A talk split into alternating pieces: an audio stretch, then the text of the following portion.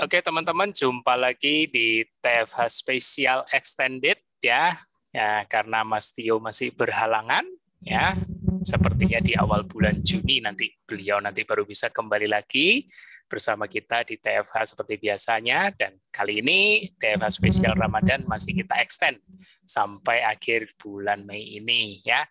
Tentunya masih bersama para narasumber dari teman-teman warrior juga ya untuk membagikan pengalaman selama mereka ber-KF dari awal sampai sekarang ini mereka masih ber-KF. Tentunya pengalaman up and down-nya layak untuk disaksikan, layak untuk disimak dan mungkin ada yang sesuai nanti dengan apa yang teman-teman warrior juga alami. Malam ini saya bersama Mbak Nana Katerina. Halo, selamat malam Mbak. Malam kok. Aku kayaknya manggil Mbak nggak cocok ini, manggil Cici. manggil, manggil, aja biasa. Manggil, ya. panggil Nana aja ya. Iya. iya, aku biasanya kalau Javian juga panggilnya Nana langsung. Oke, okay, Nana, selamat malam. Iya. Uh, sudah sudah thank you sudah mau mau apa aku aku todong untuk berbagi testimoni. Kaget. kaget ya. ya soalnya soalnya Mas Tio juga mendadak aku dikabarin itu hari Selasa malam. Hmm. Selasa malam aku ditelepon bahwa ya beliau uh, asistennya yang biasa bantu dia untuk Alif berhalangan sampai akhir bulan. Nah, jadi ya sudah uh, uh, mau tidak mau deh extend. Oke, okay, uh, Mbak uh, Nana, uh, seperti biasa ini karena TFA spesial, jadi kita nggak akan bicara technical, kita akan lebih banyak berbicara sharing, sharing tes pengalaman selama ber-KF, mulai dari mungkin Mbak Nana bisa cerita dari awal sebelum ber-KF itu seperti apa, kemudian apa yang membuat Nana itu tertarik untuk ber-KF. Kemudian eh, setelah itu manfaat apa yang didapat dan yang paling utama nanti kita bedah satu-satu pengalaman up and down-nya ya. Okay, Tentu okay. nanti eh, kalau nggak salah Nana ini udah lima tahunan ya, hampir sama kayak aku ya. Iya dari uh, Juni 2016. Nah, Juni 2016 ini Juni ini sudah lima tahun ini. Nah, tentu banyak pengalaman up and down-nya. Nanti nanti kita lihat satu-satu. Ya nggak usah semuanya, yang paling berkesan deh. gitu. Silakan Nana, monggo ya. ceritanya. Uh, sebenarnya saya itu dulu uh, eh, KF itu karena saya pernah kraniotomi di tahun 2010. Hmm. Itu uh, sempat saya punya ternyata tuh setelah kraniotomi ketahuan bahwa saya ternyata punya AVM AVM otak AVM otak di kanan jadi pecah hmm. darahnya pada saat itu kolaps hmm. terus uh, sakit langsung dibedah dadakan ya bedah dadakan hmm. terus baru ketahuan oh kata dokter ini kamu punya AVM otak ini kata gitu maksudnya bahaya sebenarnya jadi kamu ini apa uh, termasuk beruntung masih bisa kita terdeteksi. selamatkan gitu lah terdeteksi oh. oh ya sudah akhirnya ya udahlah terus kemudian ya okay. uh, eh, dengan berjalannya waktu waktu itu kan memang uh, eh, sempat pokoknya kondisi saya tuh parah banget teh kok pada saat bangun sadar itu setelah operasi udah kepala botak terus udah gitu tangan kiri kaki kiri sebagian kiri lumpuh karena kan saya kena AVM di kanan ya oh. AVM saya di kanan jadi kalau kena di kanan itu pecah dia kan silang gitu ya jadinya kiri hmm. tuh saya benar-benar lumpuh nggak bisa jalan pakai hmm. sempat sempat pakai ini juga sempat pakai ventilator juga sempet, waduh pokoknya semuanya deh parah pokoknya jadinya ya. Itu tahun berapa itu ya? Tahun berapa itu? Itu tahun 2010 Oktober ya. Oh 2010 Oktober. Oke. Okay. ya waktu itu uh, sebenarnya penyebabnya cuma satu. Saya kena bisa kolaps itu. Saya kurang oh, tidur. oh kurang tidur oh memang kurang tidur? Uh, malam itu iya kurang tidur. Karena waktu itu kan saya baru lahiran lahir tiga bulan terus juga baru mulai masuk kerja ya. Jadinya uh, waktu, waktu malam tuh biasa saya suka handle baby kalau kalau pagi kan sama mbaknya biasanya sama suster mbak kan jadi kalau misalkan malam saya ngurus semua gitu jadinya waktu benar-benar apa sih hektik waktu juga sama kurang tidur jadi kurang istirahat kan. Hmm, oke. Okay, ya okay. berakibat gitu karena memang ternyata kurang tidur itu ya jadi pemicu ya jadinya. Hmm. Pagi-pagi pasti kan tensinya tinggi. Nah, itu dia pecah. Oh gitu. Darahnya. Terus okay. uh, ya waktu itu kebenaran kan suami masih di rumah, Rudi masih di rumah, jadi saya langsung di apa diangkut ke rumah sakit terdekat. Pas di rumah sakit itu juga kebetulan uh, tim dokternya pada ngumpul jadi saya langsung di ditanganin. Langsung ditanganin ya, ya. Hmm. Iya, terus ya sudah, terus uh, perjalannya waktu uh, saya kan pengen kerja lagi kok, maksudnya karena kan uh, walaupun yang kiri lumpuh tapi kan harus berusaha dong karena ada satu dokter yang bilang katanya ya, ini sebenarnya ibu bisa oke okay, normal lagi. Karena memang ternyata AVM itu bisa mengakibatkan normal lagi kan nggak nggak harus lumpuh kiri tapi hmm. ibu harus berusaha rajin terapi rajin fisioterapi. Terus ada satu dokter yang bilang kayaknya ibu mesti melakukan satu ini deh apa sih embolisasi di otak. Jadi tuh jadi uh, otak kita di kateter di kateter tuh cuma kayak logam gitu di lem di lem gitu. Hmm. Saya pikir apaan nih seperti ini maksudnya oh mengerikan banget ya apa sih maksudnya uh, begitu sakit sakit berat banget gitu ya terus ya sudah lah akhirnya saya coba cari-cari searching di YouTube seperti hmm. apa gitu kondisinya kalau DSA itu nah, ternyata hmm. ya saya lihat di YouTube saya pelajari semua akhirnya waktu itu memang syarat saat salah satu syarat ngantor lagi uh, bos saya juga bilang kayaknya kamu mesti jalan ini deh kalau misalkan kamu nggak jalanin ini saya nggak berani terima kamu balik lagi ke kantor karena berarti kan What? bahaya bagi kamu. Waduh. Kebayang lah stres iya, ya. jadi ya, ya, sudah ya. saya pikir ya udah nggak jalan nggak ada jalan lain saya akhirnya ikutin uh, ikutin ikutin terus kemudian saya jalan itu terus dipasanglah logam di otak kanan saya maksudnya di hmm. tempat yang kritik kritis ya jadi supaya untuk menghindari jangan sampai terjadi pecah lagi di area situ Hmm, Oke. Okay. Nah, setelah dipasang itu logam, ternyata saya jadi kejang kok. Oh. Jadi saya kejang. Kejangnya itu karena epilepsinya itu bukan karena uh, memang bawaan epilepsi atau gimana, tapi karena tindakan operasi embolisasi saya. Hmm, nah, oke. Okay. Dari kejang, akhirnya kan saya harus minum obat rutin. Yeah. Obat penenang, obat kejang, semuanya terus terus minum minum terus sampai tahun 2016 saya putusin saya harus stop nih kayaknya nih. Soalnya wow. terakhir itu apa ya sakit sakit banget pinggangnya. Jadi kalau misalkan kayak uh, apa bergerak dikit kalau lagi tidur tuh aduh sakit mau belok kiri belok kanan tuh nggak bisa sakit tulang belakangnya tuh. Hmm, okay. terus udah terus saya ngomong sama suami saya lu kan sakit banget ya kayak gini ya? Wah kenapa kamu tuh bisa begitu? Coba periksa periksa dokter ya, maksudnya dokternya cuma bilang ya ini ibu gini gini gini. Ya sudah lah gimana gitu kan terus saya sempat ada ngobrol. Waktu itu kan saya memang setelah operasi saya memang ada apa ya rasa badan nggak enak lah ya. Biasa kalau begitu kan karena memang syaraf-syaraf udah lain ya kok ya. Kayak kabel aja gitu maksudnya udah yang udah di apa uh, di atik pasti ada yang konslet lah gitu ya. Ada berasa nggak enak lah gitu badannya nah itu saya udah mulai ikut join MLM ini MLM itu untuk minum suplemen kan. Nah, kemudian saya minum alternatif ya, itu. mencari alternatif. Nah, iya, kemudian pada saat minum suplemen itu saya kenalan sama ada satu kakak namanya Karosita. Nah, mm -hmm. terus uh, dia cerita, kamu tuh minum obat terus ya, bilang gitu kan. Ya, kita cerita maksudnya, iya saya tuh gini gini gini. Akhirnya deh, nah kebetulan di waktu itu kan ada uh, penyakit paru, terus parunya mm -hmm. itu uh, sempat uh, mengarah ke cancer gitu kan. Nah dia dia yang info ke saya bahwa, nah ternyata ini bisa loh, nah kamu bisa obat loh dengan ikut ini, ikut keto diet ini. Terus saya baca, saya searching lah di Google lah gitu kan ya. Terus kemudian akhir, akhir akhirnya dia informasi, informasi juga ke saya info bahwa ini ada komunitasnya loh ternyata di Jakarta tuh apa kumpulannya keto itu ketofastosis. Nah itu akhirnya saya tahu dengan Mas Tio, tahu dengan Kobudi gitu. Jadinya waktu itu ya udah saya pikir siapa tahu gitu ya dengan jalan yeah. saya bisa oh. bisa lepas dari obat saya kan yang setelah saya konsumsi enam tahun sampai saya uh, sakit pinggang terus juga sampai galau jadi kalau misalkan pada saat saya tuh minum obat itu sehari itu tiga kali dari awalnya minum obat itu ngantuk karena memang hmm. obat penenang ya biasanya hmm. bikin saya jadi lebih rileks jadi nggak bisa gerak cepet gitu kan ya yeah. karena memang hubungannya sama saraf dan otak saraf, ya. Betul. Hmm. betul. Terus uh, sampai akhirnya saya sempat konsultasi sama si dokter dokter junior dia bilang begini, tenang aja bu, ibu sana berasa ngantuk. Nanti lama-lama juga ibu nggak akan ngerasa ngantuk deh.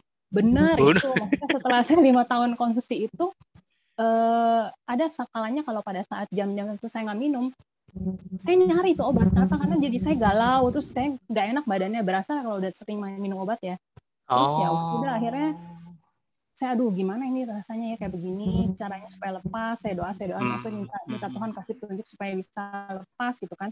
Ya akhirnya hmm. tunjukin dengan cara jalan diet ini dan ketika saya coba aja lah.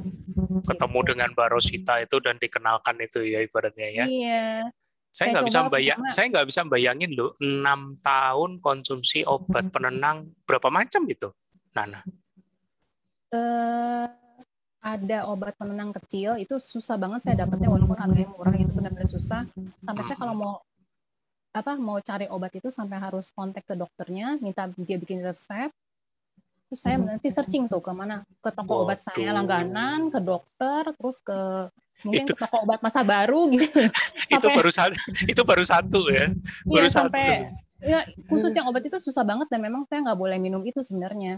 Total ada berapa total ada berapa obat ada tiga ya? Tiga. Itu baru yang penenang, belum yang anti sakitnya dan segala macam. Oh, nggak pakai anti sakit lagi, cuma penenang. Terus kemudian saya minum pil kejangan karena kan saya ah, ada betul. kejang ya. Kejangnya oh. itu kejang kejang yang menurut saya nggak bisa kendaliin kayak orang epilepsi. Biasanya kalau udah kejang ya udah gelap, plek.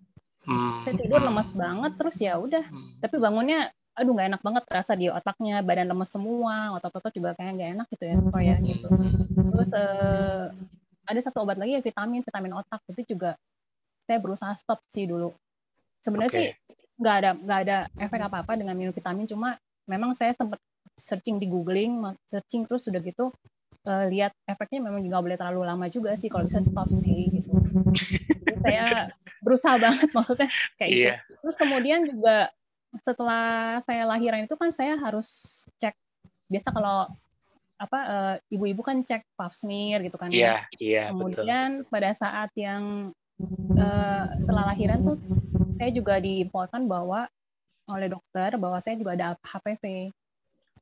Ayah, baru nah, kemudian, ditambah lagi HPV. Iya, terus okay. uh, dokter bilang, ya tenang aja bu, ini HPV-nya masih low risk kok, kayak gitu ya sudah, oke. Okay. Oh. Karena saya join MLM tadi itu yang dengan Barosita, yeah. saya minumin yeah. tuh apa yeah. uh, suplemennya saya pikir oh loris dengan ini juga baik lah gitu ya aman uh, lah gitu kan ada uh, ada ada suplemen yang khusus wanita gitu saya minumin terus uh, tuh rutin rutin rutin tapi ternyata pada saat Juni 2016 itu yang saya mau mulai KF hmm. dia berubah menjadi high risk kok saya juga bingung kenapa Aduh. Sampai dokter bilang, kamu minum apa bu? Bisa jadi high risk. Udah, apa ya? Ya udah dong evaluasi kan, saya analisa analisa loh iya apa gara-gara ini ya? Udah saya stop akhirnya. Saya stop terus akhirnya saya udah saya ikhtiar saya ikhtiar KF aja deh kayak gini caranya deh. Karena memang nggak ada obat kan untuk HPV itu. Itu cuma buat yeah. apa sih uh, hanya bisa imunitas diri sendiri yang bisa lawan virus itu gitu. Betul betul, hmm, betul. jadi dokter juga bilang gitu. Jadi ya pada saat mulai, pada saat memulai KF itu benar-benar kalau saya bilang bonek ya kalau orang Surabaya bilang bodoh nekat udah nothing nothing tulus ya kan? Iya. ya, ya kalaupun aku anggap ini ikhtiar seperti alternatif MLM dan segala macam berhasil ya syukur ndak ya aku ndak ada rugi apa apa ibaratnya gitu ya. Iya betul. Wow wow. Ya, oke. okay. saya coba aja deh. Ya sudah saya jalanin dari Juni 16 terus kemudian Nah, ya, pengalaman kira -kira, pertama pada saat jalanin itu bagaimana? Pengalaman pertama, ya pasti ada aneh ya, karena biasanya kan makan nasi. Ini kan makan nasi. Tapi kan saya udah dikasih tahu sama tik-tiknya sama si Barosita itu, si Karosita, dia kasih tahu. Hmm. Pertama, kamu jangan stop nasi dulu, tapi pasti kamu kaget. Kamu kurangin ya, jadi saya cuma makan setengah, kemudian hmm. sepertiga. Lama-lama ya, akhirnya sih cuma makan lauk aja gitu. Hmm, gitu, gitu ya. Lama-lama ya terbiasa sih terbiasa. Nah, uh, kita langsung agak uh, langsung agak ini supaya teman-teman uh, bisa langsung pertanyaan besarnya sekarang bagaimana kondisinya? Kalau boleh dibilang uh, tadi riwayatnya kan cukup dahsyat tuh ada uh, HVM, ada ada sempat tadi kraniotomi ngalamin itu kan, uh, terus ada HPV itu bagaimana sekarang? Apakah sudah hilang atau bagaimana? Uh, kalau AVM sih masih ada karena memang uh, untuk pengobatan finalnya itu saya harus tiga tiga maka di kepala terus ditembak. Oh, harus 36 kali di kepala. Enggak, terus... harus di harus di laser di, di apa di kepala jadinya harus hmm. pakai gamma knife. Cuma saya masih nimbang-nimbang saya pikir aduh karena itu resikonya pasti ada terus kemudian hmm. juga hmm. ya banyak hal yang saya pikirin saya pikir dengan kondisi saya sekarang ya. ini saya hmm. saya bisa jaga terus kemudian juga saya bisa uh, patuhi lima pilar harusnya sih safe ya hmm. karena memang saya walaupun ini juga saya ada cek juga sih saya udah DSA juga kurang lebih lima tahun empat tahun yang lalu sama dokter saya walaupun saya ikut keto tapi saya ada info ke dia saya ikut keto loh nih dok maksudnya hmm. uh, jadi saya udah nggak minum obat lagi loh eh ibu kok ikut keto dia bilang gitu eh dia cuma pesan gini doang tapi dia dia senang bahwa saya tuh udah nggak minum obat lagi karena dia tahu saya sangat-sangat kecanduan obat kan terakhir oh. kemudian hanya dia hanya pesan satu hal bu ini Bu ya resep ya, ini obat kolesterol kayak gitu. Jadi ini nanti pilih-pilih dagingnya ya daging yang baik ya Bu ya, misalkan ikan, telur gitu kan ya. Dia, dia khawatirnya saya terlalu over gitu. Dia cuma pesan satu itu doang. Jadi dia nggak jadi dia nggak bilang nggak boleh nggak boleh gitu jangan. Dia nggak bilang gitu. Dia cuma dia cuma pesannya satu hati-hati makan hmm. dagingnya daging baik ya dia bilang gitu, kan gitu. daging baik daging yang ini daging toko baik daging yang berkawan iya, tapi ya. uh, tapi yang jelas sekarang sudah lepas obat ya kan sudah, sudah lepas jadi, obat saya saya nggak saya nggak galau nyari nyari obat itu lagi kalau misalkan memang saya lagi keadaan kondisi nggak enak seperti kayak mau kejang kejang itu ternyata ada auranya jadi Hmm. Ada hal-hal yang bisa uh, saya tahu bahwa saya mau kejang. Ada itu itu pun saya tahunya karena dalam perjalanan lepas obat itu sih. Hmm, Jadi, gitu saya lepas ya. obat nggak langsung jegrek lepas kok. Maksudnya saya juga ah, lihat ya kondisi betul. saya gitu kan. Jadi kan betul. biasanya saya minum dosis tiga, terus minum sos dosis jadi dua, gitu saya turun-turunin. Tapi selama perjalanan melepas itu ada sesuatu yang bisa bikin saya uh, kejang itu namanya kalau saya lihat namanya aura kejang. Nah, aura kejang itu saya hmm. pelajari, saya catat. Jadi kalau misalkan saya berasa kayak oh mau gini nih, oh buru-buru nih, harus nyari lemak apa, harus nyari apa gitu. Ya itu sempat kejadian sih beberapa kali di kantor karena saya ngantor juga kan. Jadi teman saya teman satu ruangan sih udah tahu dia maksudnya, wah kenapa nih? Kok kayaknya sebenarnya mendadak-dadakan ada aneh nih cepet cepetan kamu minum itu saya selalu kan sedia santan gitu kan di laci kantor oh. minum kalau ada kayak gitu pokoknya kalau udah ada aura tuh saya harus cari santan, kalau enggak air hangat, kalau enggak harus cepet-cepet bergerak gitu loh maksudnya. Jadi kayaknya gejangnya bisa lupa gitu. Oh, gitu. oke. Okay. Tapi sudah sudah tahu ya faktor triggernya, pemicunya sudah tahu kira-kira ya. Sudah, sudah, sudah. Ah, oke. Okay. Itu pun uh, saya awalnya saya memang nggak saya memang nggak percaya tadinya awalnya itu bahwa triggernya itu bisa dipelajari. Ternyata memang bisa. Hmm. Ada satu dokter yang pernah saya kunjungi waktu itu dokter juga di apa di Mayapada dia pernah ngomong ibu ibu pokoknya nanti pelajari kalau mau kejang tuh rasanya seperti apa hmm. ibu ingetin nanti lama-lama ibu bisa bisa tahu kok nanti lama-lama ibu juga bisa aman dia bilang gitu hmm. tenang aja ternyata memang benar sih gitu. Jadi sekarang istilahnya berdamai dengan kejangnya bisa di manage betul, begitu ya. Betul, uh, betul. Kalau ini mungkin pertanyaan yang juga ditanyakan oleh teman-teman yang dengerin, masih kejang enggak akhir-akhir ini atau memang sudah masih ada tapi jarang banget atau benar-benar oh, sudah nggak ada sih. atau begitu? Nggak ada. Nggak ada ya? Nggak ada, udah lama sekali. Wow, wow, berarti benar-benar uh, udah lama. Jadi memang ya bisa sih harusnya dengan ini. Tapi ya gitu, itu ya. lima pilar harus dijalankan kok. Kalau enggak ya udah kacau. itu ya. Tadi ada yang nanya sedikit, uh, ada kayaknya ada dokter yang tertarik nanya di chat itu uh, eh, HPV-nya lebih spesifik ke apa? Apakah waktu itu ada di diagnosa atau enggak? Di mana? HPV, HPV-nya itu yang jenis apa misalnya? Kayaknya tadi ada yang nanya soalnya. Oh, Sakit. pertama saya HPV-nya di 52 yang low risk ya, terus kemudian naik jadi ke 18 yang high risk waktu itu oh. onkologi saya bilang wah ini harus kasih tindakan nih bu nanti kira-kira oh. uh, jadi saya mulai keto itu kan di Juni 16 ya. Iya, Terus Juni bilang kita tindakan nanti uh, Februari lah ya atau Januari dia bilang gitu. Hmm. Waduh, berarti saya hitung itu cuma enam bulan nih kayaknya nih. Gimana ya keburu nggak ya gitu? Saya selalu mikir keburu nggak ya gitu. Tapi ya kan saya kan maksudnya aduh jangan sampai dioperasi ya. Saya udah pernah hmm. dioperasi besar saya nggak mau ada operasi-operasi lain lagi gitu sebenarnya kan. Eh saya pernah operasi besar saya pernah DSA juga di tahun 2011 sebelum saya ngantor. Iya betul itu. Uh, jadi itu saya istilahnya saya kapok kapok berat dengan namanya operasi. Iya. Kalau kalau yang 2011 desa mau enggak mau soalnya kan ada ada himbauan juga dari kantor himbauan iya, betul. Himbauan bahwa dia bilang lebih baik ibu di, di desa dulu diembolisasi supaya ibu lebih safe supaya nggak kejadian okay. di kantor. Tapi ternyata kejadian kok. kejadian. Bos saya juga mereka gitu, kamu bukannya kemarin udah diembolisasi tapi kok masih kejang? Nah itu dia. Nah itu dia, bingung juga. Bingung juga. Imunisasi itu pasang pasang apa? Pasang koil kan? Koil, koil, koil betul. Koil logam. Uh, logam itu bikin saya kejang pak. Bolah katanya. Ande, maksudnya kalau dipasang juga gimana? Nggak dipasang, tapi sebenarnya sih memang harus dipasang supaya buat apa jaga saya lebih safe dibanding uh, saya nggak pasang sih. Iya, iya, ya itu memang tindakan tindakan apa paliatif ya kalau nggak salah ya. Iya, Kayak memang memang, memang kalau kalau rumah sakit ya memang begitu SOP-nya iya. nggak bisa kita apa-apain. Nah, berarti ini luar biasa lima tahun sudah tidak kejang atau boleh dibilang kejangnya termanage terkelola karena tahu triggernya dan dijaga dan hasilnya sama sekali memang tidak ada kejang. Jadi mungkin teman-teman kalau lihat Nana sekarang nggak percaya ini dulu pernah operasi otak besar, ya kan? Mm-hmm. Terus uh, sempat juga ya bisa dibayangin lah obat penenang tiga macam belum obat kejangnya juga mungkin obat keras dan sekarang yeah. bisa lepas ya. Mm-hmm. Lepasnya mungkin di tahun berapa Nana dari sejak 2016 berKF? Uh, kalau uh, saya lepasnya tuh di akhir tahun tuh udah bisa lepas. Jadi maksudnya kalau saya udah nggak rutin lagi minum. Jadi enam bulan Wah. itu benar enam bulan. Jadi Wah. pada saat uh, waktu itu pada saat Natal itu saya udah bisa nggak minum obat uh, kejang wow. itu. Terus kemudian juga HPV saya pas dicek di Januari juga udah negatif. Jadi wow. kan saya nggak perlu operasi. Oh.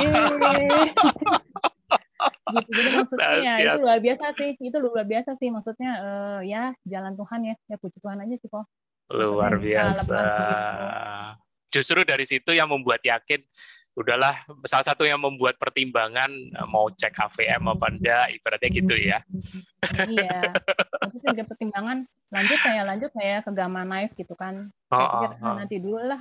Karena memang dokter pun ngelihat saya ya memang saya ngeliat ibu nggak apa-apa sih fine-fine hmm. aja cuma maksudnya ini kan sebenarnya bahaya you kayak bawa bom katanya di kampung siapa di otak tapi hmm. saya sebelumnya saya juga sempat pernah check up ke Malaysia ke, hmm. ke Penang hmm. saya cek itu juga semua arahnya ke Gamma Knife cuma mereka surprise aja ngeliat saya dengan kondisi seperti ini maksudnya dengan uh, kondisi uh, eh, AVM di otak terus sempat parah kraniotominya juga kraniotomi besar tapi sekarang normal gitu loh mereka hmm. mereka sempat nanya minum obat apa terus apa gitu ya uh, semuanya Berat, dari Tuhan lah Amin.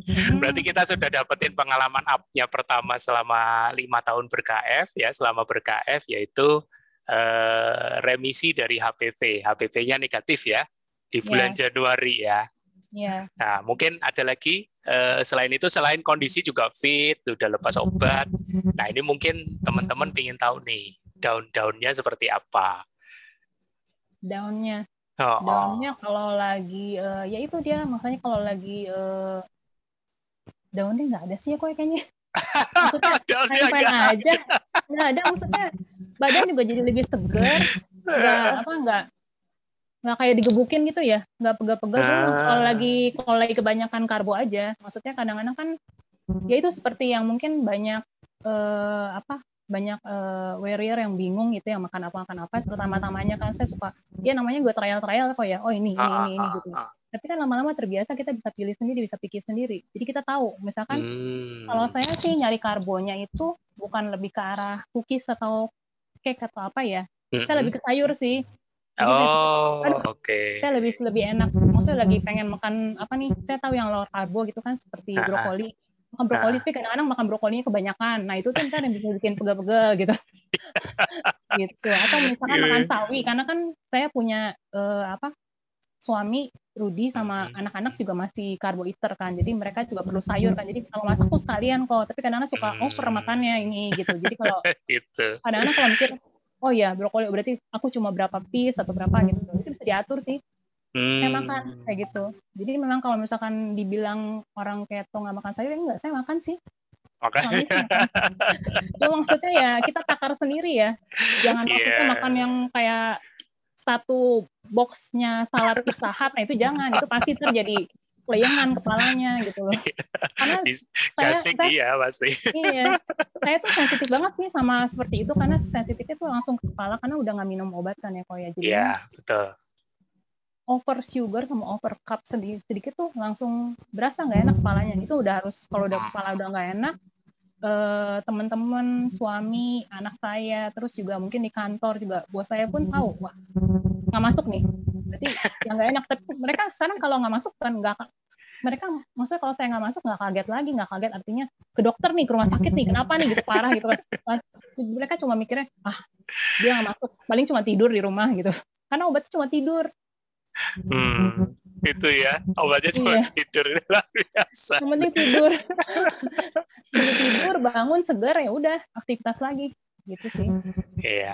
Ya itu memang uh, ini aku aku dengerinnya soalnya gini kadang banyak itu uh, teman-teman ini kalau udah tahu riwayatnya berat-berat apalagi nanti ini yang yang nyimak videonya Nana ya itu pasti hmm. udah ngebayangin nih waduh HC-nya kayak gimana kurang lebih kayak gitu ya proses oh, iya. detoxnya iya. kayak sempet, gimana nah itu coba coba cerita dong coba cerita aku sempat sempat ngalamin HC cuma HC ku itu lebih ke arah ya itu karena kan aku kenanya di kiri ya jadi mm-hmm. lebih ke otot sama ke syarafnya itu sempat ngilu, terus sempat yang kayaknya meluang-meluang sebelah kiri sih. Mm-hmm. Tapi hanya di sisi tangan sama kaki ya, kaki sini, mm-hmm. paha sini. Tapi ya sudahlah itu di ya seperti kata si uh, pertama yang ngajak aku kan Karosita. Dia cuma ngomong, ya udah lu enjoy aja gitu kan udah dia enjoy aja. Lama-lama hilang. Setelah tapi yang pasti dia bilang kamu harus gerak ya pokoknya gitu. Jadi ya udah paling di kantor hmm. waktu itu kantor masih pakai tangga turun naik turun tangga ke kantin ke mana gitu ke toko bulak balik aja. Tapi lama-lama hilang sih. Nggak yang terlalu berarti gitu loh kok sampai mual gitu nggak sih. Cuma saya tahu kalau misalkan memang saya sampai mual atau gimana berarti kan kurang mineral. Nah itu tinggal saya bawa tuh kayak uh, apa sih Himalayan salt gitu saya bawa hmm. yang rock gitu kan. Jadi saya ini aja ngemil di kantor.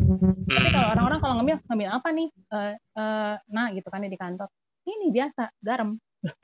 Ini garam. Tambah bingung tapi mereka lama-lama ya udah ngerti sih maksudnya paham. Jadi kalau pada saat ada acara makan di kantor gitu kan harusnya kan semua dikasih nasi box. Kalau saya nggak khusus saya kasih box kecil tanpa nasi hmm dan isinya juga cuma telur sama daging atau telur sama ayam gitu. Wah, wow, udah didukung banget ya. Tapi udah. aku tapi aku juga ingin tahu nih, uh, waktu ngalamin HC itu yang kayak kayak apa sebelah kiri ya agak lemes gitu. Hmm. Itu respon suami bagaimana waktu itu ya Maksudnya, ya kan? HC HC nggak HC-nya nggak lemes sih.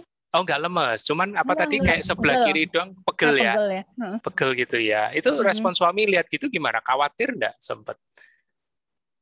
Uh, saya nggak terlalu banyak bicara sih sama dia soal yang oh. itu. Karena kalau saya bicara banyak sama dia, ntar dia bisa stop stop gitu kok. Duh jangan. Kalau itu targetnya enam bulan. Ya, kan? Oh iya, waktu itu kejar enam bulan ya ya. Kalau ngomong iya. nanti malah tambah stres ya. Iya, jadi saya jadi, ngomong. Jadi saya pikir udah. Jadi kayak Tapi kan gambling kan, dong, mbak. Iya, benar kayak gambling. Oh, wow. cuma cuma apa? Cuma pusing-pusing di kanan kan di area. Biasa kalau itu kan keton terbentuk katanya ya. Jadi kan agak-agak yeah. pusingnya ada lain kan. Tapi bukan pusing migrain gitu kan. Ya, kok kan ngalamin juga pasti kayak gitu kan. Jadi, oh saya tahu kayak gini nih rupanya gitu. Ya, enjoy aja waktu itu dengan makan sih biasanya. Biasanya saya tanya suka kalau kayak gitu tuh saya lawannya dengan makan. Jadi saya kasih asupan tuh sup-sup kaldu yang hangat-hangat sih. Hmm. Biasanya itu hilang. Hmm. Nah, pokoknya saya waktu itu uh, lawannya dengan makan ya udah santai, enjoy dengan musik. Saya kan hobi hobi dengar musik supaya lebih. Nah itu salah satu cara, cara saya untuk mengatasi manajemen stres saya dengan musik, dengan yang untuk uh, supaya tidak minum pen penenang kok. Biasanya oh, kan tiap malam tuh harus minum yeah, penenang, obat penenang yeah, supaya yeah, tidur. Yeah, yeah, Tapi yeah. ya uh, lama-lama karena bisa udah enjoy sama musik, terus kadang-kadang juga sambil tidur sambil dengerin musik saya jadi hmm. lebih apa lebih santai gitu kan ya dan itu benar-benar tidur plak tidur benar-benar tidurnya gelap deep sleep sama sekali nggak mimpi hmm. saya wow. tuh nggak boleh mimpi karena kalau mimpi itu mimpi itu bisa akibat kejang, kejang loh Iya, iya, pernah Jadi tahu saya pernah aku. itu uh, pernah dalam satu saat itu saya bangun loh, kok kepalaku sakit ya? Kenapa ya? Kok kan lemes banget badannya? Biasa kalau habis ah. kejang itu lemes lemes sekali kan. Oh, gitu. Ingat, oh kayaknya semalam aku kejang nih pasti nih. Tinggal bilang, terus kayaknya aku semalam kejang deh. Kenapa?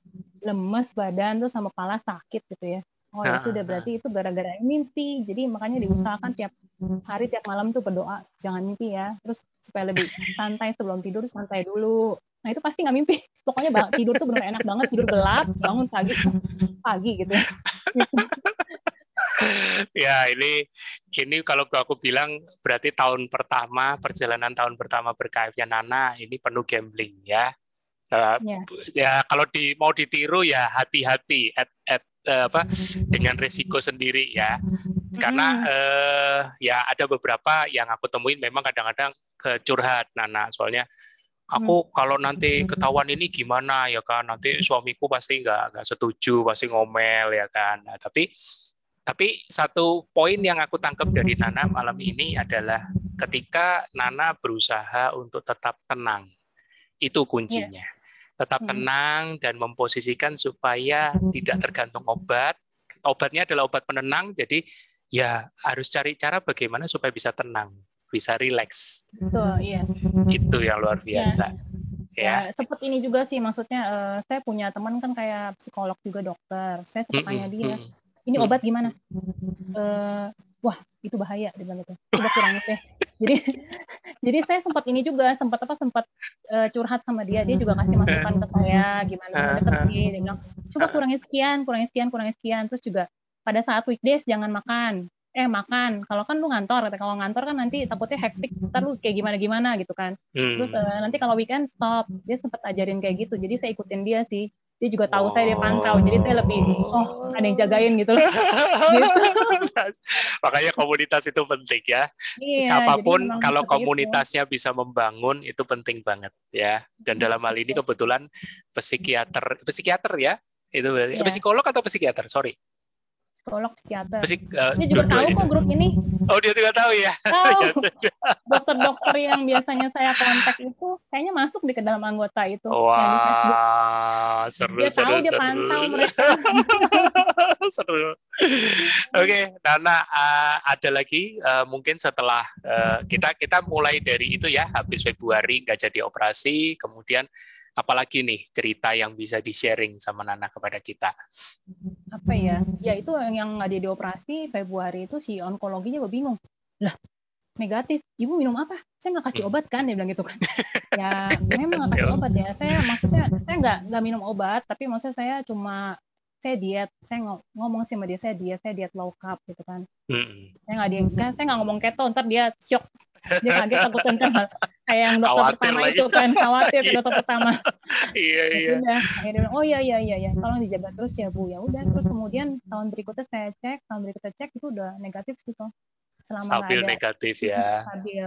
Jadi Wah. saya pikir ya saya jagalah. Gitu.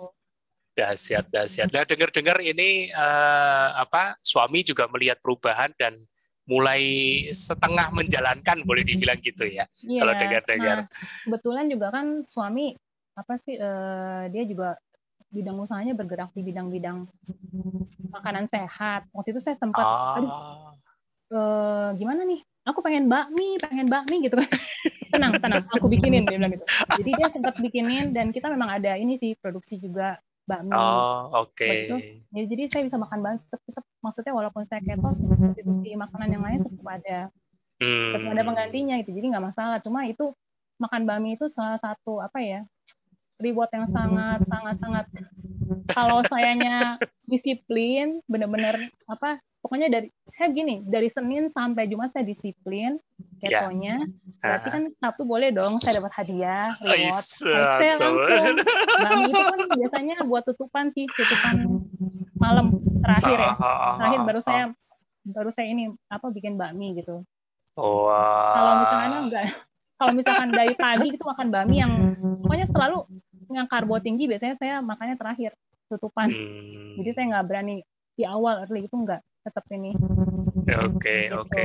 Jadi Terus lebih juga, ke, ke lebih ke reward ya. Tapi bakminya ya, bakmi bakmi dari keto kan, bukan? Atau bakmi dari tepung low carb sih. low carb ya gitu ya oh ya sudah yang penting uh, tubuhnya memahami bahwa tubuhnya Nana Nana tak paham gitu loh maksudnya iya. karakteristiknya yeah. paham gitu loh karena yeah. kalau tepung biasa ya pasti langsung udah wet ya. udah pasti yeah. pusing Terus lagi juga, pastinya ya betul Terus juga kan maksudnya eh, terakhir itu juga saya sempat kan minum VCO tuh awal-awalnya kan minum VCO setiap hari VCO VCO sempat kayaknya VCO juga sampai kadang-kadang ada yang beli saya sampai jadi tahu maksudnya VCO tuh ada yang begini bagus ya begini itunya gitu. Jis. karena kan meneliti sendiri ya karena minum tiap hari kan kok dulu pas pertama-tama kan. Ada yang bau tengik lah ada yang inilah itulah gitu kan. Jadi saya saya ngomong tuh ke dia tuh kamu nih gimana sih? Cariin dong produk buat saya nih yang enak gitu kenapa emangnya? Ini bau tahu yang merek ini ya kali jambi lagi ya. Kalau ini saya tahu nih pakai pakai pakai pakai pakai apa pakai flavor gitu kan. Saya juga nggak mau pakai flavor gitu kan. Kamu maunya apa sih? Banyak maunya gitu terus uh, akhirnya dia pikir dia uh, sempat konsultasi sudah sama Mas Tio gimana gimana. Hmm. akhirnya waktu itu sempat uh, dia akhirnya kasih masukan ke saya. Ya udah coba kamu minum yang powder deh gitu kan. Coba kamu cari yang powder gitu kan. Akhirnya suami saya dapat yang powder untuk MCT-nya jadi oh. uh, saya terakhir itu saya tiap hari selalu minum ini sih MCT powder ini.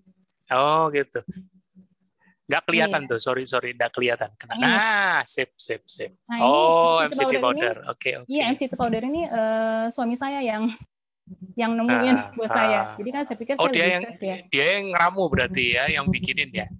Iya dia yang ini dia yang packing. Maksudnya dia yang ketemuin oh, ini kayaknya cocok buat kamu. Terus kemudian juga hmm. kita sempat diskusi sama Mas Tio dan Mas Tio juga waktu itu makasih banget udah referensi ini buat aku dan buat teman-teman warrior yang lain gitu. Oke, okay, iya. Memang Ini, kalau memang kalau MCT pada dasarnya kita boleh kan tidak masalah ya kan. Iya. Apa pun mereknya juga boleh. Ya mau hmm. pakai yang ada beberapa di vendor kita juga yang bikin, ada beberapa banyak varian. Nah, tapi yang iya. jangan dilupakan ya fungsinya bahwa fungsinya memang untuk uh, kalau di Nana masih konsumsi ini untuk apa untuk boosting keton ya untuk yeah. untuk posting keton produksi keton di ke otak ya. Karena ini kan memang ada kebutuhan khusus untuk yeah, di betul. otaknya. Betul ini buat hmm. otak nih bagus banget sama buat uh, boost energi ya. Biasa kan saya kalau uh, perlu pokoknya saya kalau udah mau kejang itu saya perlu yang hangat-hangat kok. Biasa kalau hangatnya dapat dari ini atau dari air hangat atau dari santan atau dari lemak ya. Nah ini pernah ada satu kejadian lucu. Saya pernah waktu itu uh, ke ke supermarket supermarket besar gitu kan ya. Terus uh, suasana supermarket itu tuh aslinya dingin sekali. Saya kalau uh, kena udara dingin tuh nggak bisa, dingin sekali tuh nggak bisa. Pasti hmm. auranya kan nimbul. Waktu itu lagi pada saat masa mau lepas obat. Hmm. apa ya? Mesti makan apa nih di sini nih? apa ya? Langsung kan mikir, kayaknya ke tempat santan situ nggak mungkin deh, jauh yeah. kan ya. Akhirnya kan itu kan supermarket ya kayak jual makanan yang kayak paru apa hmm. dan gitu kan ya. Kayak kayak kira-kira nih yang kolesterol tinggi yang mana ya? Aduh saya pilih paru aja deh kok. Saya gak banyak mikir. Daripada saya kejadian di supermarket kan kejadian kan. uh, saya langsung beli. Ya itu kan di plastik itu saya langsung makan dulu tanpa dibayar saya makan dulu. Nah, itu rasanya kok. Langsung ke sini hangat banget terus panas hilang. Hilang. Saya sempat aduh ya ampun Tuhan thank you banget sih kayak begini bisa dapat ada paru-paru ada paru di sini gitu loh. Kalau nggak saya gimana gitu loh. Udah panik soalnya nggak bawa visi oh waktu itu juga belum ada MCT powder ini kan. Yeah, karena kan yeah, sekarang ada ini saya bawa sih di tas selalu ada. Jadi kalau misalkan berasa nggak enak saya langsung hap aja. Nggak usah pakai air lagi. Hmm, itu sebenarnya lagi dialami, lagi proses uh, Pak Edi uh, stresnya masih mudah terpicu. Karena kan baru masa-masa mau lepas obat ya. Oh bukan, karena kalau uh, kejang itu kan dia ada ininya kok, yang saya bilang tadi auranya saya jadi nggak boleh dingin, terus nggak yeah. boleh terlalu happy, nggak boleh terlalu nggak boleh yeah. terlalu panik juga, nggak yeah, boleh itu bingung. itu yang aku bilang itu yang aku bilang stres itu stres sistemnya masih mudah terpicu. Iya. Yeah, yeah. uh, jadi kalau kalau stres sistemnya masih mudah terpicu di tanah itu manifestasinya berupa kejang. Nah, dalam hal hmm. ini waktu itu kan di supermarket dingin. Nah, itu sudah stres. Kalau kita dingin itu eh, untuk yang kayak aku misalnya atau teman-teman yang lain kan sering berasa kalau kita kedinginan kan lebih sering uh, buang air kecil. Nah, nah itu respon stres sistemnya kita uh, sering buang air kecil itu respon dari stresnya kita, stres badan terhadap apa? Terhadap suhu. Makanya aku uh, minggu kemarin juga udah bikin video tentang stres di KF, fisik atau psikis. Itu sebenarnya menceritakan bahwa yang namanya stres itu tidak selalu berbicara psikis. Hmm. Tapi semua input yang diterima oleh panca indera. Makanya Nana tadi bisa betul, bilang betul. aura itu cocok banget, betul. ya kan. Jadi apa pun yang diterima oleh panca indera dari mata, dari kulit, telinga, ya kan, ya. telinga, oh itu bisa bisa memicu, betul. sangat bisa memicu, ya, ya. gitu. Nah benar, pada saat Nana makan atau apa pun itu yang membuat rileks, nah itu kayak kayak di counter kayak di counter. Nah, supaya tidak tidak lagi muncul ibaratnya gitu. Wah, tapi aku aku amazing ini ya, amazing karena tidak banyak uh, yang punya apa konsistensi seperti Nana ya kan. Bukan tidak bisa, tapi moga-moga nanti uh, apa yang Nana sharing ini bisa jadi contoh buat yang lain bahwa Nana bisa loh. Si si Mbak Nana itu uh, sudah operasi otak besar ya kan? Terus uh, ngalamin banyak hal lah tapi bisa loh KF lima tahun apa yang membuat mau KF lima tahun itu kalau bukan sesuatu yang mendatangkan manfaat kan tidak mungkin Iya betul. Iya kan. Terlepas pengen, dari terlepas dari apa yang dimakan deh. Ya, ya, pengen hidup jadi lebih berarti kok. Karena kan nah. hidup itu kan singkat, terus juga kan kualitas buat keluarga ya. Maksudnya yeah. masa sih kesempatan kedua yang udah dikasih Tuhan ke saya uh, setelah operasi itu saya sia-siakan itu kan nggak mungkin. Jadi kan saya yeah. tetap harus berjuang buat anak saya, family, bisa yeah. bisa buat jadi berkat buat yang lain sekitar, ya kan bisa buat mungkin yang nonton juga bisa lebih uh, termotivasi ya. Maksudnya kalau buat sehat itu nggak gampang, tapi ya memang harus diperjuangkan. Dan yang jelas sudah gak mikirin BP kalau Nana sih. Dan oh, dari iya. awal dari awal udah mikirin berat badan. betul, betul, betul, betul. Cuek aja. kurus, terus gemuk. Waktu pertama sebelum kami itu gemuk sekali, karena kan waktu uh -uh. itu kan habis uh, dioperasi. Dokter cuma bilang, ayo makan yang banyak mau bergizi. Saya makan semua yang dikasih, mau dari tamu, dari dokter, dari rumah sakit, saya makan semua vitamin, dari vitamin A, B, C, sampai obat ini saya minum. Akhirnya saya jadi gemuk. Terus kemudian ya nggak apa-apa sih, uh, masih oke. Okay. Terus begitu ya, sementara suami juga nggak komplain kan, ya tenang-tenang aja dong kok ya, santai. Suami lihat lalanya happy, enjoy, ya sudah nggak berani diganggu. Mungkin saya cuma pikir, waduh kayaknya aku mesti balik seperti semula nih karena dulu benar-benar yang apa sih sempat kurus gitu kan ya. Terus begitu hmm. mana botak lagi kok nggak ada rambut. Karena kan dioperasi ya. Iya iya iya betul udah pokoknya ampun deh. Terus ya ya udah akhirnya sempat rambut akhirnya kayak kok Budi gitu deh numbuh ah. dikit-dikit gitu kan ya dikit-dikit. jadi panjang lagi gitu. ini aku sekarang nggak tahan kalau panjang soalnya kalau kena di kuping yeah. rasanya udah gatel ini bentar lagi ya, sempat sih sempat sempat sempat ngalamin belajar apa sih belajar jalan jadi pertama yeah. keluar rumah sakit pakai kursi roda terus kemudian pakai tongkat yang kaki tiga tongkat kaki hmm. empat terus akhirnya lama-lama karena saya berasa itu tongkat repot ya udahlah saya jalan pegang-pegang aja kayak ke mana yang bisa saya pegang gitu. Akhirnya ya dengan Semangat. saya paksain jalan gitu jadinya ya bisa jalan karena memang saya ada baca di mana di artikel mana maksudnya kalau kayak penyakit syaraf gitu hmm. kalau kita antepin aja gitu kok dia nggak kita nggak gerakin dia makin lama akan makin iya nggak ada maksudnya nggak ada buat ininya nggak ada nggak ada bisa kemampuan untuk berkembangnya betul jadi memang yeah, kalau yeah. syaraf sama otot memang harus di dipaksa di, kalau bahasa paksa. kasarnya dipaksa uh, benar dipaksa. benar jadi waktu Nih. itu selama apa dari saya kan waktu itu uh, kraniotomi Oktober 2010 terus saya mulai ngantor lagi bulan Februari setelah saya DSA nah itu mm -hmm. selama tiga bulan saya udah bisa jalan normal itu ke kantor nggak pakai apa-apa cuma memang udah masih agak kayak robot sedikit tapi maksudnya oke okay lah iya saya cuma ngeliat kamu kok jadi kayak cowok? Bilang gitu kan. Ya nggak apa-apa dong pak gitu kan. Apa ya pak jalannya nggak kayak robot. Nanti lama-lama udah luwes kok katanya. Oh ya sudah nggak apa-apa. Yang penting kamu ini ya latihan-latihan ya bilang gitu. Oke oke. Kalau gitu. jujur loh kalau sekarang itu ndak ndak kelihatan. Bener ndak kelihatan. serius. Apalagi kalau Nana kasih tahu umurnya orang-orang masih kaget Ayo, ada yang berani nebak? Nah, ini teman-teman yang lagi di sini nebak umurnya berapa? umurnya Nana berapa? Ayo. Jangan terlalu bilang 17 tahun ya, itu mah terlalu terlalu ini banget. Terlalu ya. Ayo. Nana berapa tahun? Saya 45 kok. 45. Iya, saya waktu itu kejadian pas saya wow. lagi apa di Karanitom itu saya pas 35 tahun. Jadi Gila. memang waktu itu masih masih ya masih usia ini kan, maksudnya produktif 35 tahun sakit seperti itu, terus orang juga ngeliat saya kayaknya sedih banget ya. Mudah-mudah kok udah kayak gejala stroke gitu kan ya, di jalan lagi pas terapi di rumah sakit.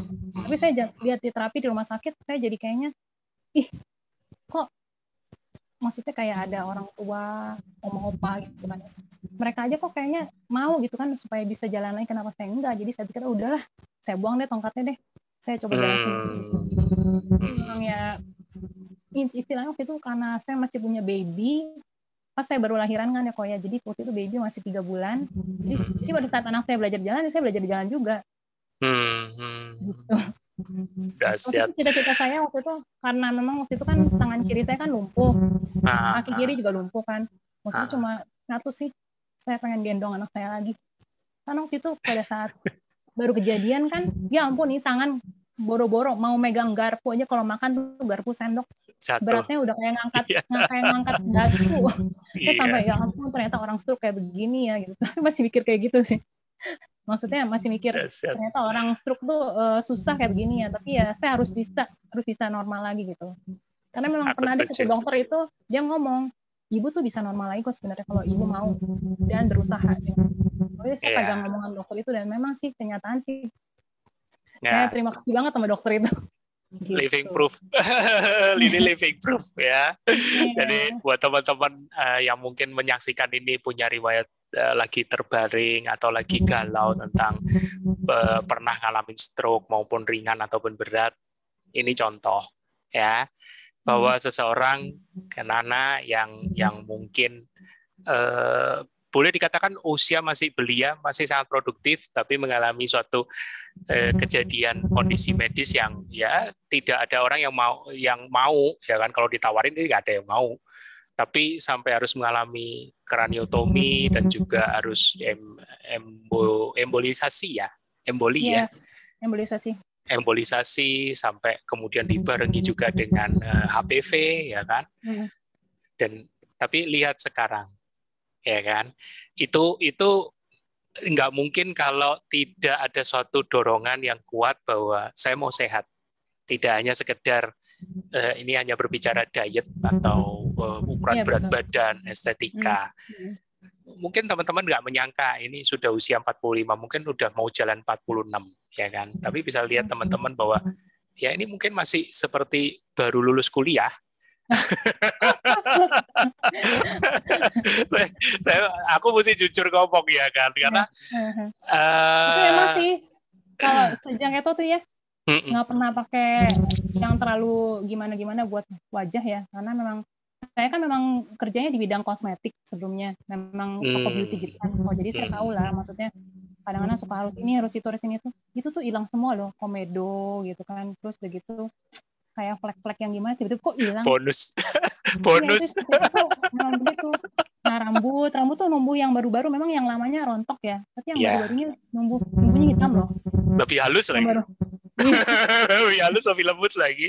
Hmm, tuh lebih kulit lebih moist sama ada beberapa bekas luka tuh dia hilang sendiri. Jadi lebih lebih light ya warnanya. Ya, ya, gitu. lebih lebih tidak menghitam ya kan, lebih mm-hmm. gampang hilang. Iya betul. Wah ini yang suaminya Korudi ini pasti bersyukur alokasi uang kosmetik menurun drastis. Tapi ada satu PR-nya.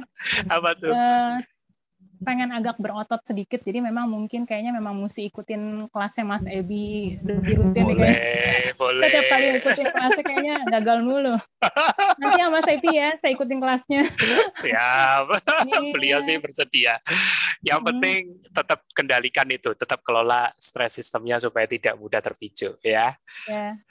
luar biasa uh, jadi ini uh, aku aku sampai speechless maksudnya luar biasa ini kisahnya ya kan. Mungkin terkesan pendek. Kita kita baru satu jam loh ini Mbak Nana ya. Hmm. Baru satu jam ya. Biasanya kita bisa satu jam setengah. Kadang kalau Mas Tio itu bisa dua jam lebih ya kan. Tapi memang aku tidak mau terlalu tidak mau terlalu teknikal. Jadi supaya teman-teman itu bisa ikut meresapi, bisa ikut ngerasain ini loh perjuangan seorang warrior ya kan. Kalau aku bilang seorang warrior bahkan sempat uh, gambling gambling dengan suaminya. ini harusnya harusnya aku tahu ini di hatinya Nana ini juga bikin ngomong. Tapi satu sisi kalau ngomong pasti disuruh stop ya kan sedangkan aku yeah. ada bayangan operasi. Udah aku aku memilih menghindari operasinya. Jadi hmm. uh, apakah salah? Ya enggak juga. Ini ini manusiawi ya kan. Tapi yang terpenting pastikan uh, termasuk Nana juga mem memastikan bahwa Nana ada dalam komunitas. Nah, waktu itu kalau nggak salah kita juga sudah telepon-teleponan dan WA ya. Telepon, WA, waktu itu kan ada grup WA juga kan. Oh, oh, oh. di di awal-awal oh, itu. Oh, oh di awal-awal. keluhan-keluhan sempat telepon Koko, terus begitu juga ke Mas Tio juga. Oh, sama hmm. satu lagi, sama almarhum uh, Dokter Asri. Itu saya sering saya ganggu dia loh. Waduh. Saya sering message dia, sering tele karena dia kan uh, bidangnya syaraf. Jadi kan yeah. dia lebih paham saya harusnya kan ya. Yeah, nah, dia yeah. tuh selalu selalu apa selalu ngasih saya uh, petunjuk, ngasih oh kayak begini, kayak begini. Ya saya ikutin sih. Dan dia nggak pernah nggak nggak bales saya punya message loh. Wow. Dokter Asri itu luar biasa. Luar biasa. Bahkan mm -hmm. Dokter Asri pun yang sudah almarhum, kita masih mengenang dia sebagai yang yang masih punya kiprah ya kan. Nah ini salah satu salah satu yang merasakan bagaimana eh, kasihnya beliau itu bisa ikut membantu proses ini, proses recovery-nya Nana ya. Mm-hmm. Dahsyat, yeah. dahsyat. Aku jujur baru kali ini bertemu Nana secara virtual, belum ketemu eh sekali bertemu darat ya waktu itu ya, yeah. sekali. Nah, ini baru di virtual. Waktu itu kalau nggak salah tahun berapa ya Nana ya? 2019 kah?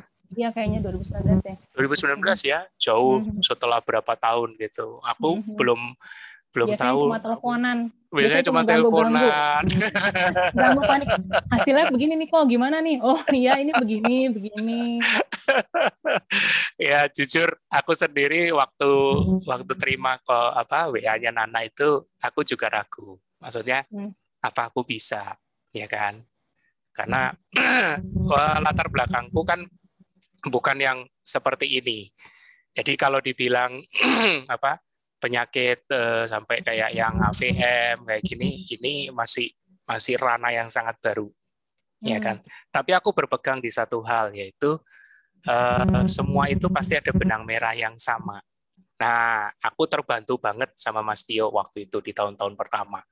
Makanya aku sendiri pun punya pengalaman yang yang apa ini uh, unik buat aku saat aku menjalani WF3 itu sampai over ya kan? Dan aku mengenali ternyata oh menerapkan protokol itu tidak semudah yang dikira ya kan? Yeah. tidak hanya sebatas oh puasa panjang langsung sembuh. Oh aktivitas tinggi langsung kurus tidak segampang itu. Dan itu juga nah, mesti uh, tergantung kitanya metabolisme masing-masing orang yeah, kan beda jadi nggak bisa disamain. itu, itu hmm. dia jadi karakteristik itu dia nah aku terbantu hmm. tuh waktu hmm. terbantu banget sama Mas Tio beliau itu dengan sabar jelasin ini begini Mas ini begini nanti itu walaupun dengan bahasa yang alien waktu itu sangat alien Mas Tio itu di tahun 2016 2017 itu sangat alien jadi aku pun keteteran tapi bersyukurlah teman-teman yang di tahun sekarang Mas Tio masih mau ngajarin itu sudah jauh membumi ya. Tapi in the end kalaupun aku bisa membantu ya itu semua karena karena aku juga udah dapat dari Mas Tio ya kan?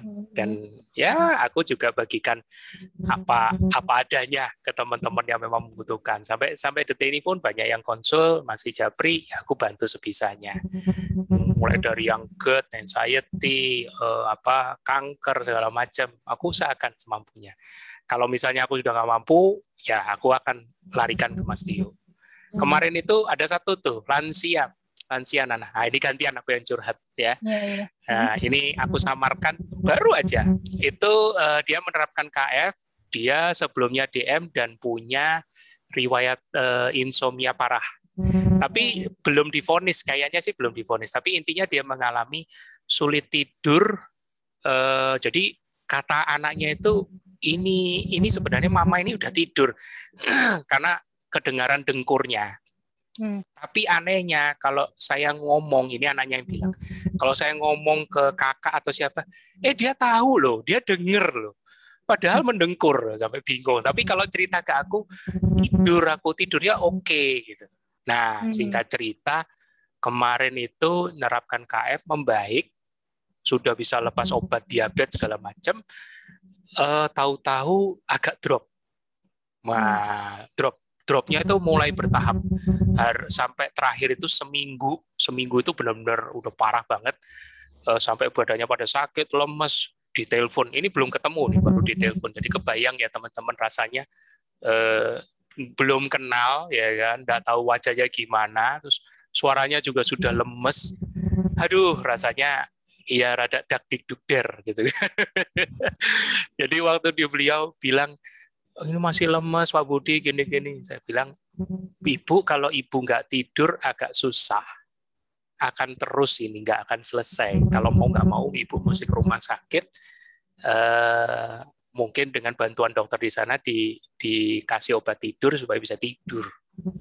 Ya kan? Nah, singkat cerita, hari ini dia baru kabarin dia sudah minum obat tidur. Rupanya dia punya resep lama karena sudah minum CTM nggak ngefek katanya.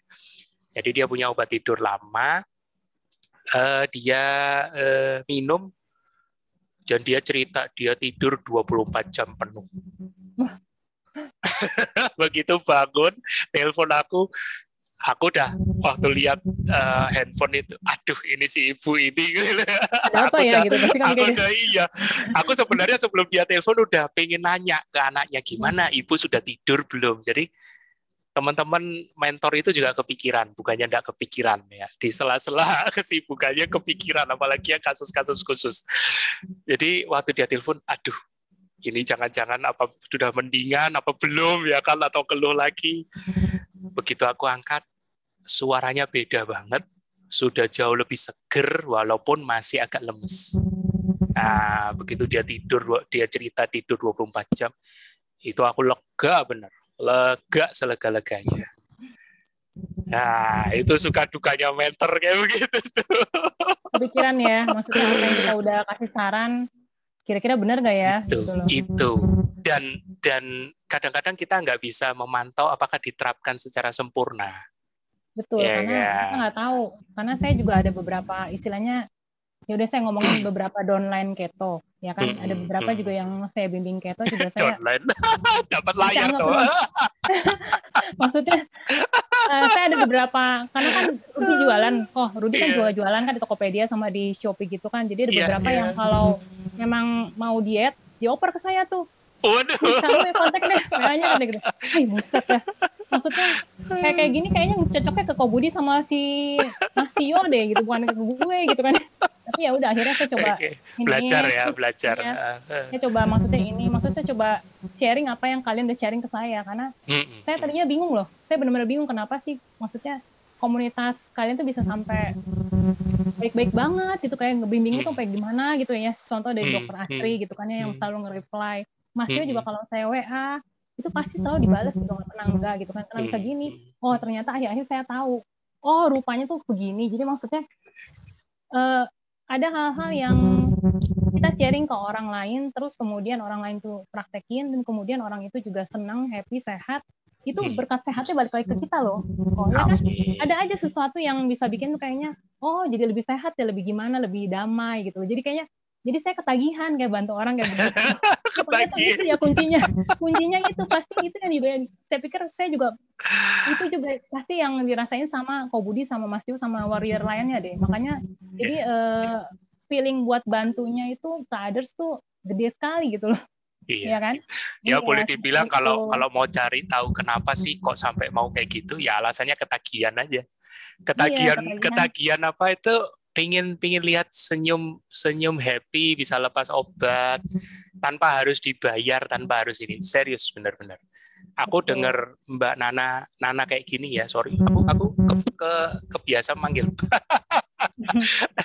aku kalau lihat Nana kayak gini ini ya kan, tanpa aku harus pastikan Nana masih KF kan, jangan sampai gak KF ya. Udah nggak perlu ya kan. Nana udah bisa memutuskan sendiri mana yang terbaik buat dirinya, ya kan. Iya, jadi betul.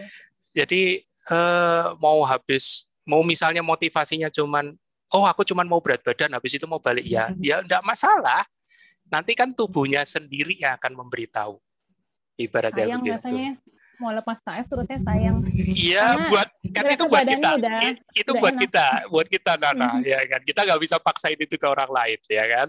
Karena hmm. orang lain kan punya pergumulan masing-masing, ya kan. Iya, nah, ya, tujuannya tujuannya TFH spesial ini ya seperti ini. Jadi sharing itu bukan untuk memaksakan, oh ini loh bisa sembuh, kamu juga bisa. Iya, tapi penerapannya kan tergantung dari yang nanti menjalankan ya kan? Mm-hmm. makanya Betul. aku aku jadi teringat tuh waktu uh, waktu dulu dikenalkan KF sama Rosita waktu Nana juga cerita aku kok ngerasain gini gimana nih? Ya kan? Ya udah enjoy aja. Mungkin Rosita juga udah deg-deg gitu juga. Iya, iya. habis mau, mau suruh ke dokter kan juga bingung juga mungkin ya kan. Nah itu kadang-kadang kadang-kadang yang namanya yang namanya senior atau warrior yang lebih lebih dulu menjalankan ketika mementor itu punya keterbatasan membagikan pengalamannya sendiri. Gitu lah. Nah memang belum banyak yang bisa uh, seperti Mas Tio gitu. Aku pun aku pun tidak berani klaim aku kayak Mas Tio. Aku aku baru belajar sebagian kecil benar-benar baru belajar sebagian kecil. Itu pun harus berulang-ulang mentransfer yang kecil ini ke ke teman-temanku aja butuh berulang-ulang. Itu pun bisa miss. Ya kan? Satu contoh aja kolesterol masih banyak yang masih miss tentang kolesterol ya. event mm-hmm. itu event itu teman-teman uh, apa profesional kita ya teman-teman tenaga kesehatan juga masih masih perlu untuk dibantu ya kan Bukan aku oh, bilang aku lebih pinter. Iya, nakes betul. Udah jago-jago lo sekarang lo. Nah, itu. Yang seperti tadi saya ceritakan. Itu, yeah, itu. Karena karena aku percaya satu hal. Aku sama Mas Tio percaya satu hal. Nakes itu juga pingin, nakes yang benar ya, itu juga pingin pasiennya bisa sembuh lepas obat. Dah, itu nomor satu. Ya, kalau sembuhnya dengan konsumsi obat terus-menerus, aku yakin hati nuraninya nakes itu juga sebenarnya nggak rela. Nggak rela sebenarnya. Jadi kayak kayak kasih vonis hukum apa vonis death penalty ibaratnya gitu loh. Sayang sebenarnya. Jadi kalau bisa ada ada jalan untuk bisa sembuh ya why not gitu kan. Iya, sebenarnya sih uh, nakes itu kasih kita obat bukannya buat mau menjerumusin atau gimana kok saya paham. Karena kan hmm. dia nggak setiap saat di sebelah kita, jadi ya. dia tuh uh, keep kita dengan obatnya gitu kan. Jadi maksudnya hmm. Hmm. saya bisa handle ibu dari obat tapi dari jauh, bukannya karena nggak deket deket saya gitu. Dia ngomong gitu sih. Apa kok oh ya saya ngerti saya ngerti. Saya cuma ngomong saya ngerti dok saya ngerti dok. Ya udah. Kalau gitu nanti saya yang putusin ya gitu kan. Akhirnya udah saya putusin. Tapi akhirnya dia happy sih ngeliat saya. Maksudnya bisa uh, lepas nah, karena saya udah ketergantungan sekali sampai mungkin dia bingung kali ya mau ngasih obat saya selanjutnya apa itu itu Nana kan makin makin lama makin naik kan betul dan ada hmm. batasnya hmm. loh Dokter iya. itu juga punya batas obat maksimal yang bisa diberi. Contoh sendiri, uh, mamaku sendiri deh. Mama itu alergi, dia autoimun. Jadi kalau sampai uh, ke, kepicu itu uh, alerginya itu gatal-gatal dan bengkak.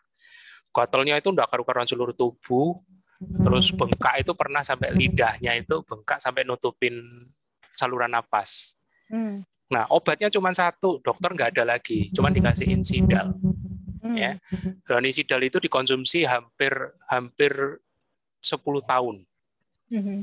Sampai dokter temennya, dokter temennya itu bilang ini kalau terus dikonsumsi bisa bisa jantung yang kena ini. Nah, puji Tuhan ya setelah berKF itu gatal-gatalnya sekarang udah udah jarang muncul kecuali kalau cheating ya memang namanya udah usia lanjut sekarang mamaku itu udah 81 ya. Wow. sudah berKF eh, sudah tiga eh hampir empat, empat tahunan lah ya empat tahunan ya. Ya dibilang murni ketat ya namanya lansia ya sepuh ya nggak bisa ngomong ya kan? Tapi yang penting udah tahu kok yang mana itu. bisa atau itu. enggak. Kayak mamaku juga sekarang dia kalau minum kopi kalau dulu kan demen tuh minum kopi yang saset-saset gitu kan. Hmm. sekarang enggak enggak deh nak beliin mama itu aja Nescafe. Cie minum. Nescafe milenial wow, muda iya, lagi. Nescafe itu yang saya minum kan yang klasik itu yang biasa suka taruh di tas biasanya gitu kan. Uh, black coffee black coffee.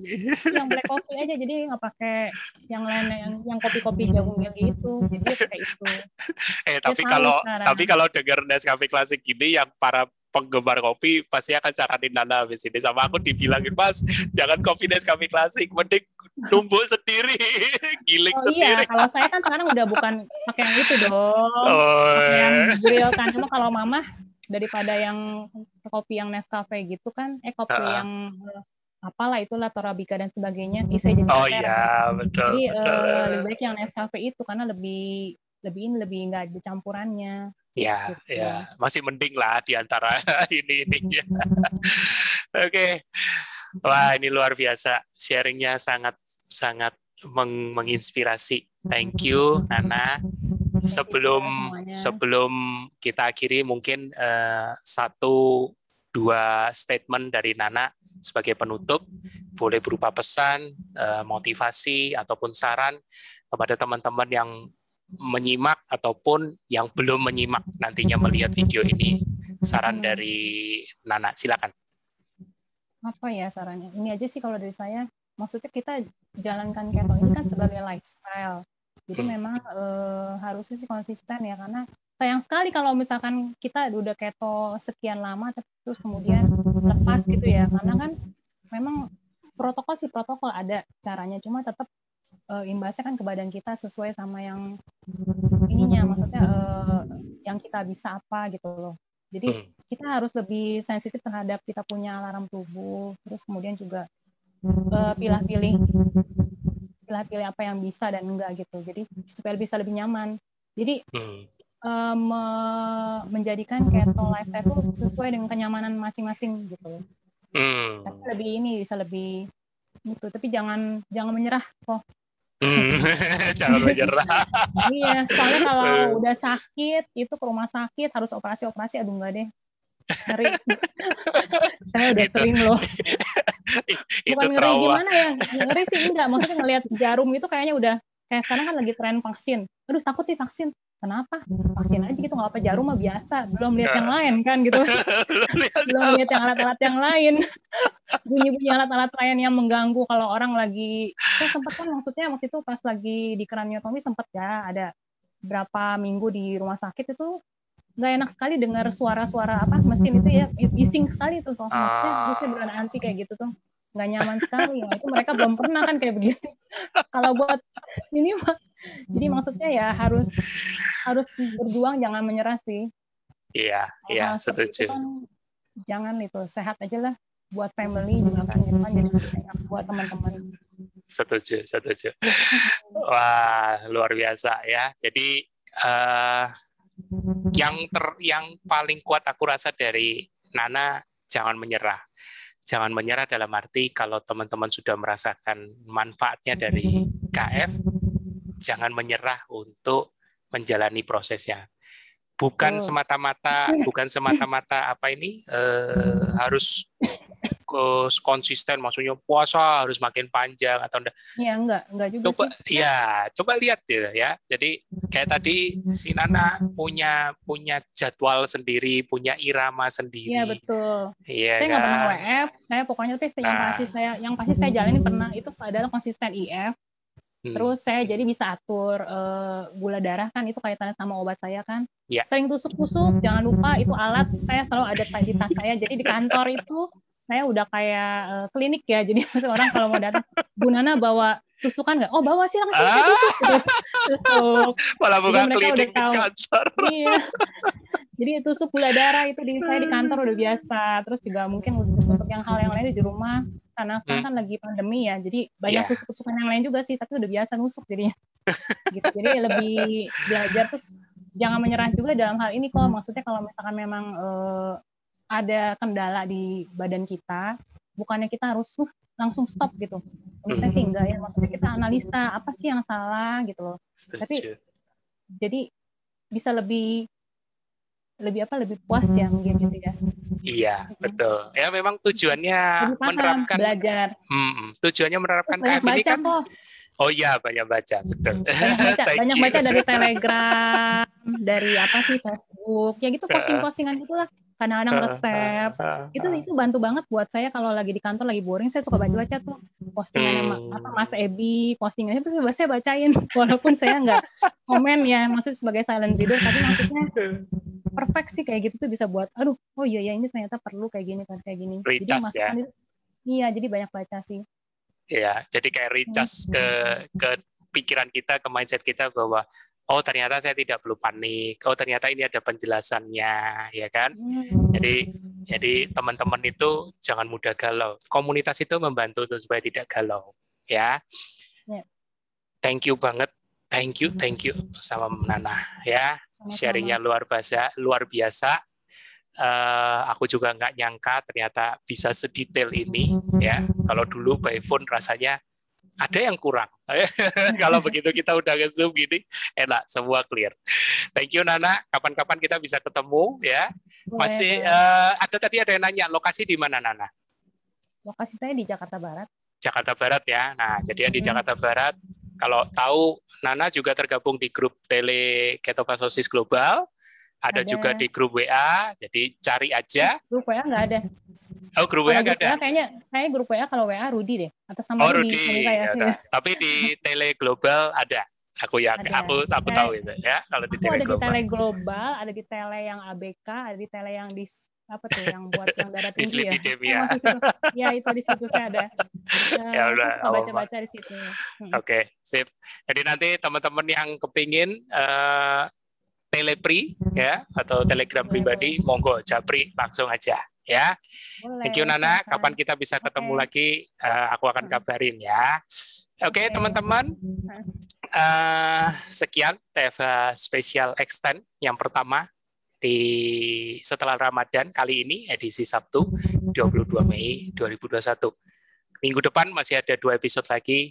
Jangan lupakan next stay tune pengumumannya di Walmastio. Siapa narasumbernya? Tentu akan lebih menarik. Tentu juga akan sangat menginspirasi.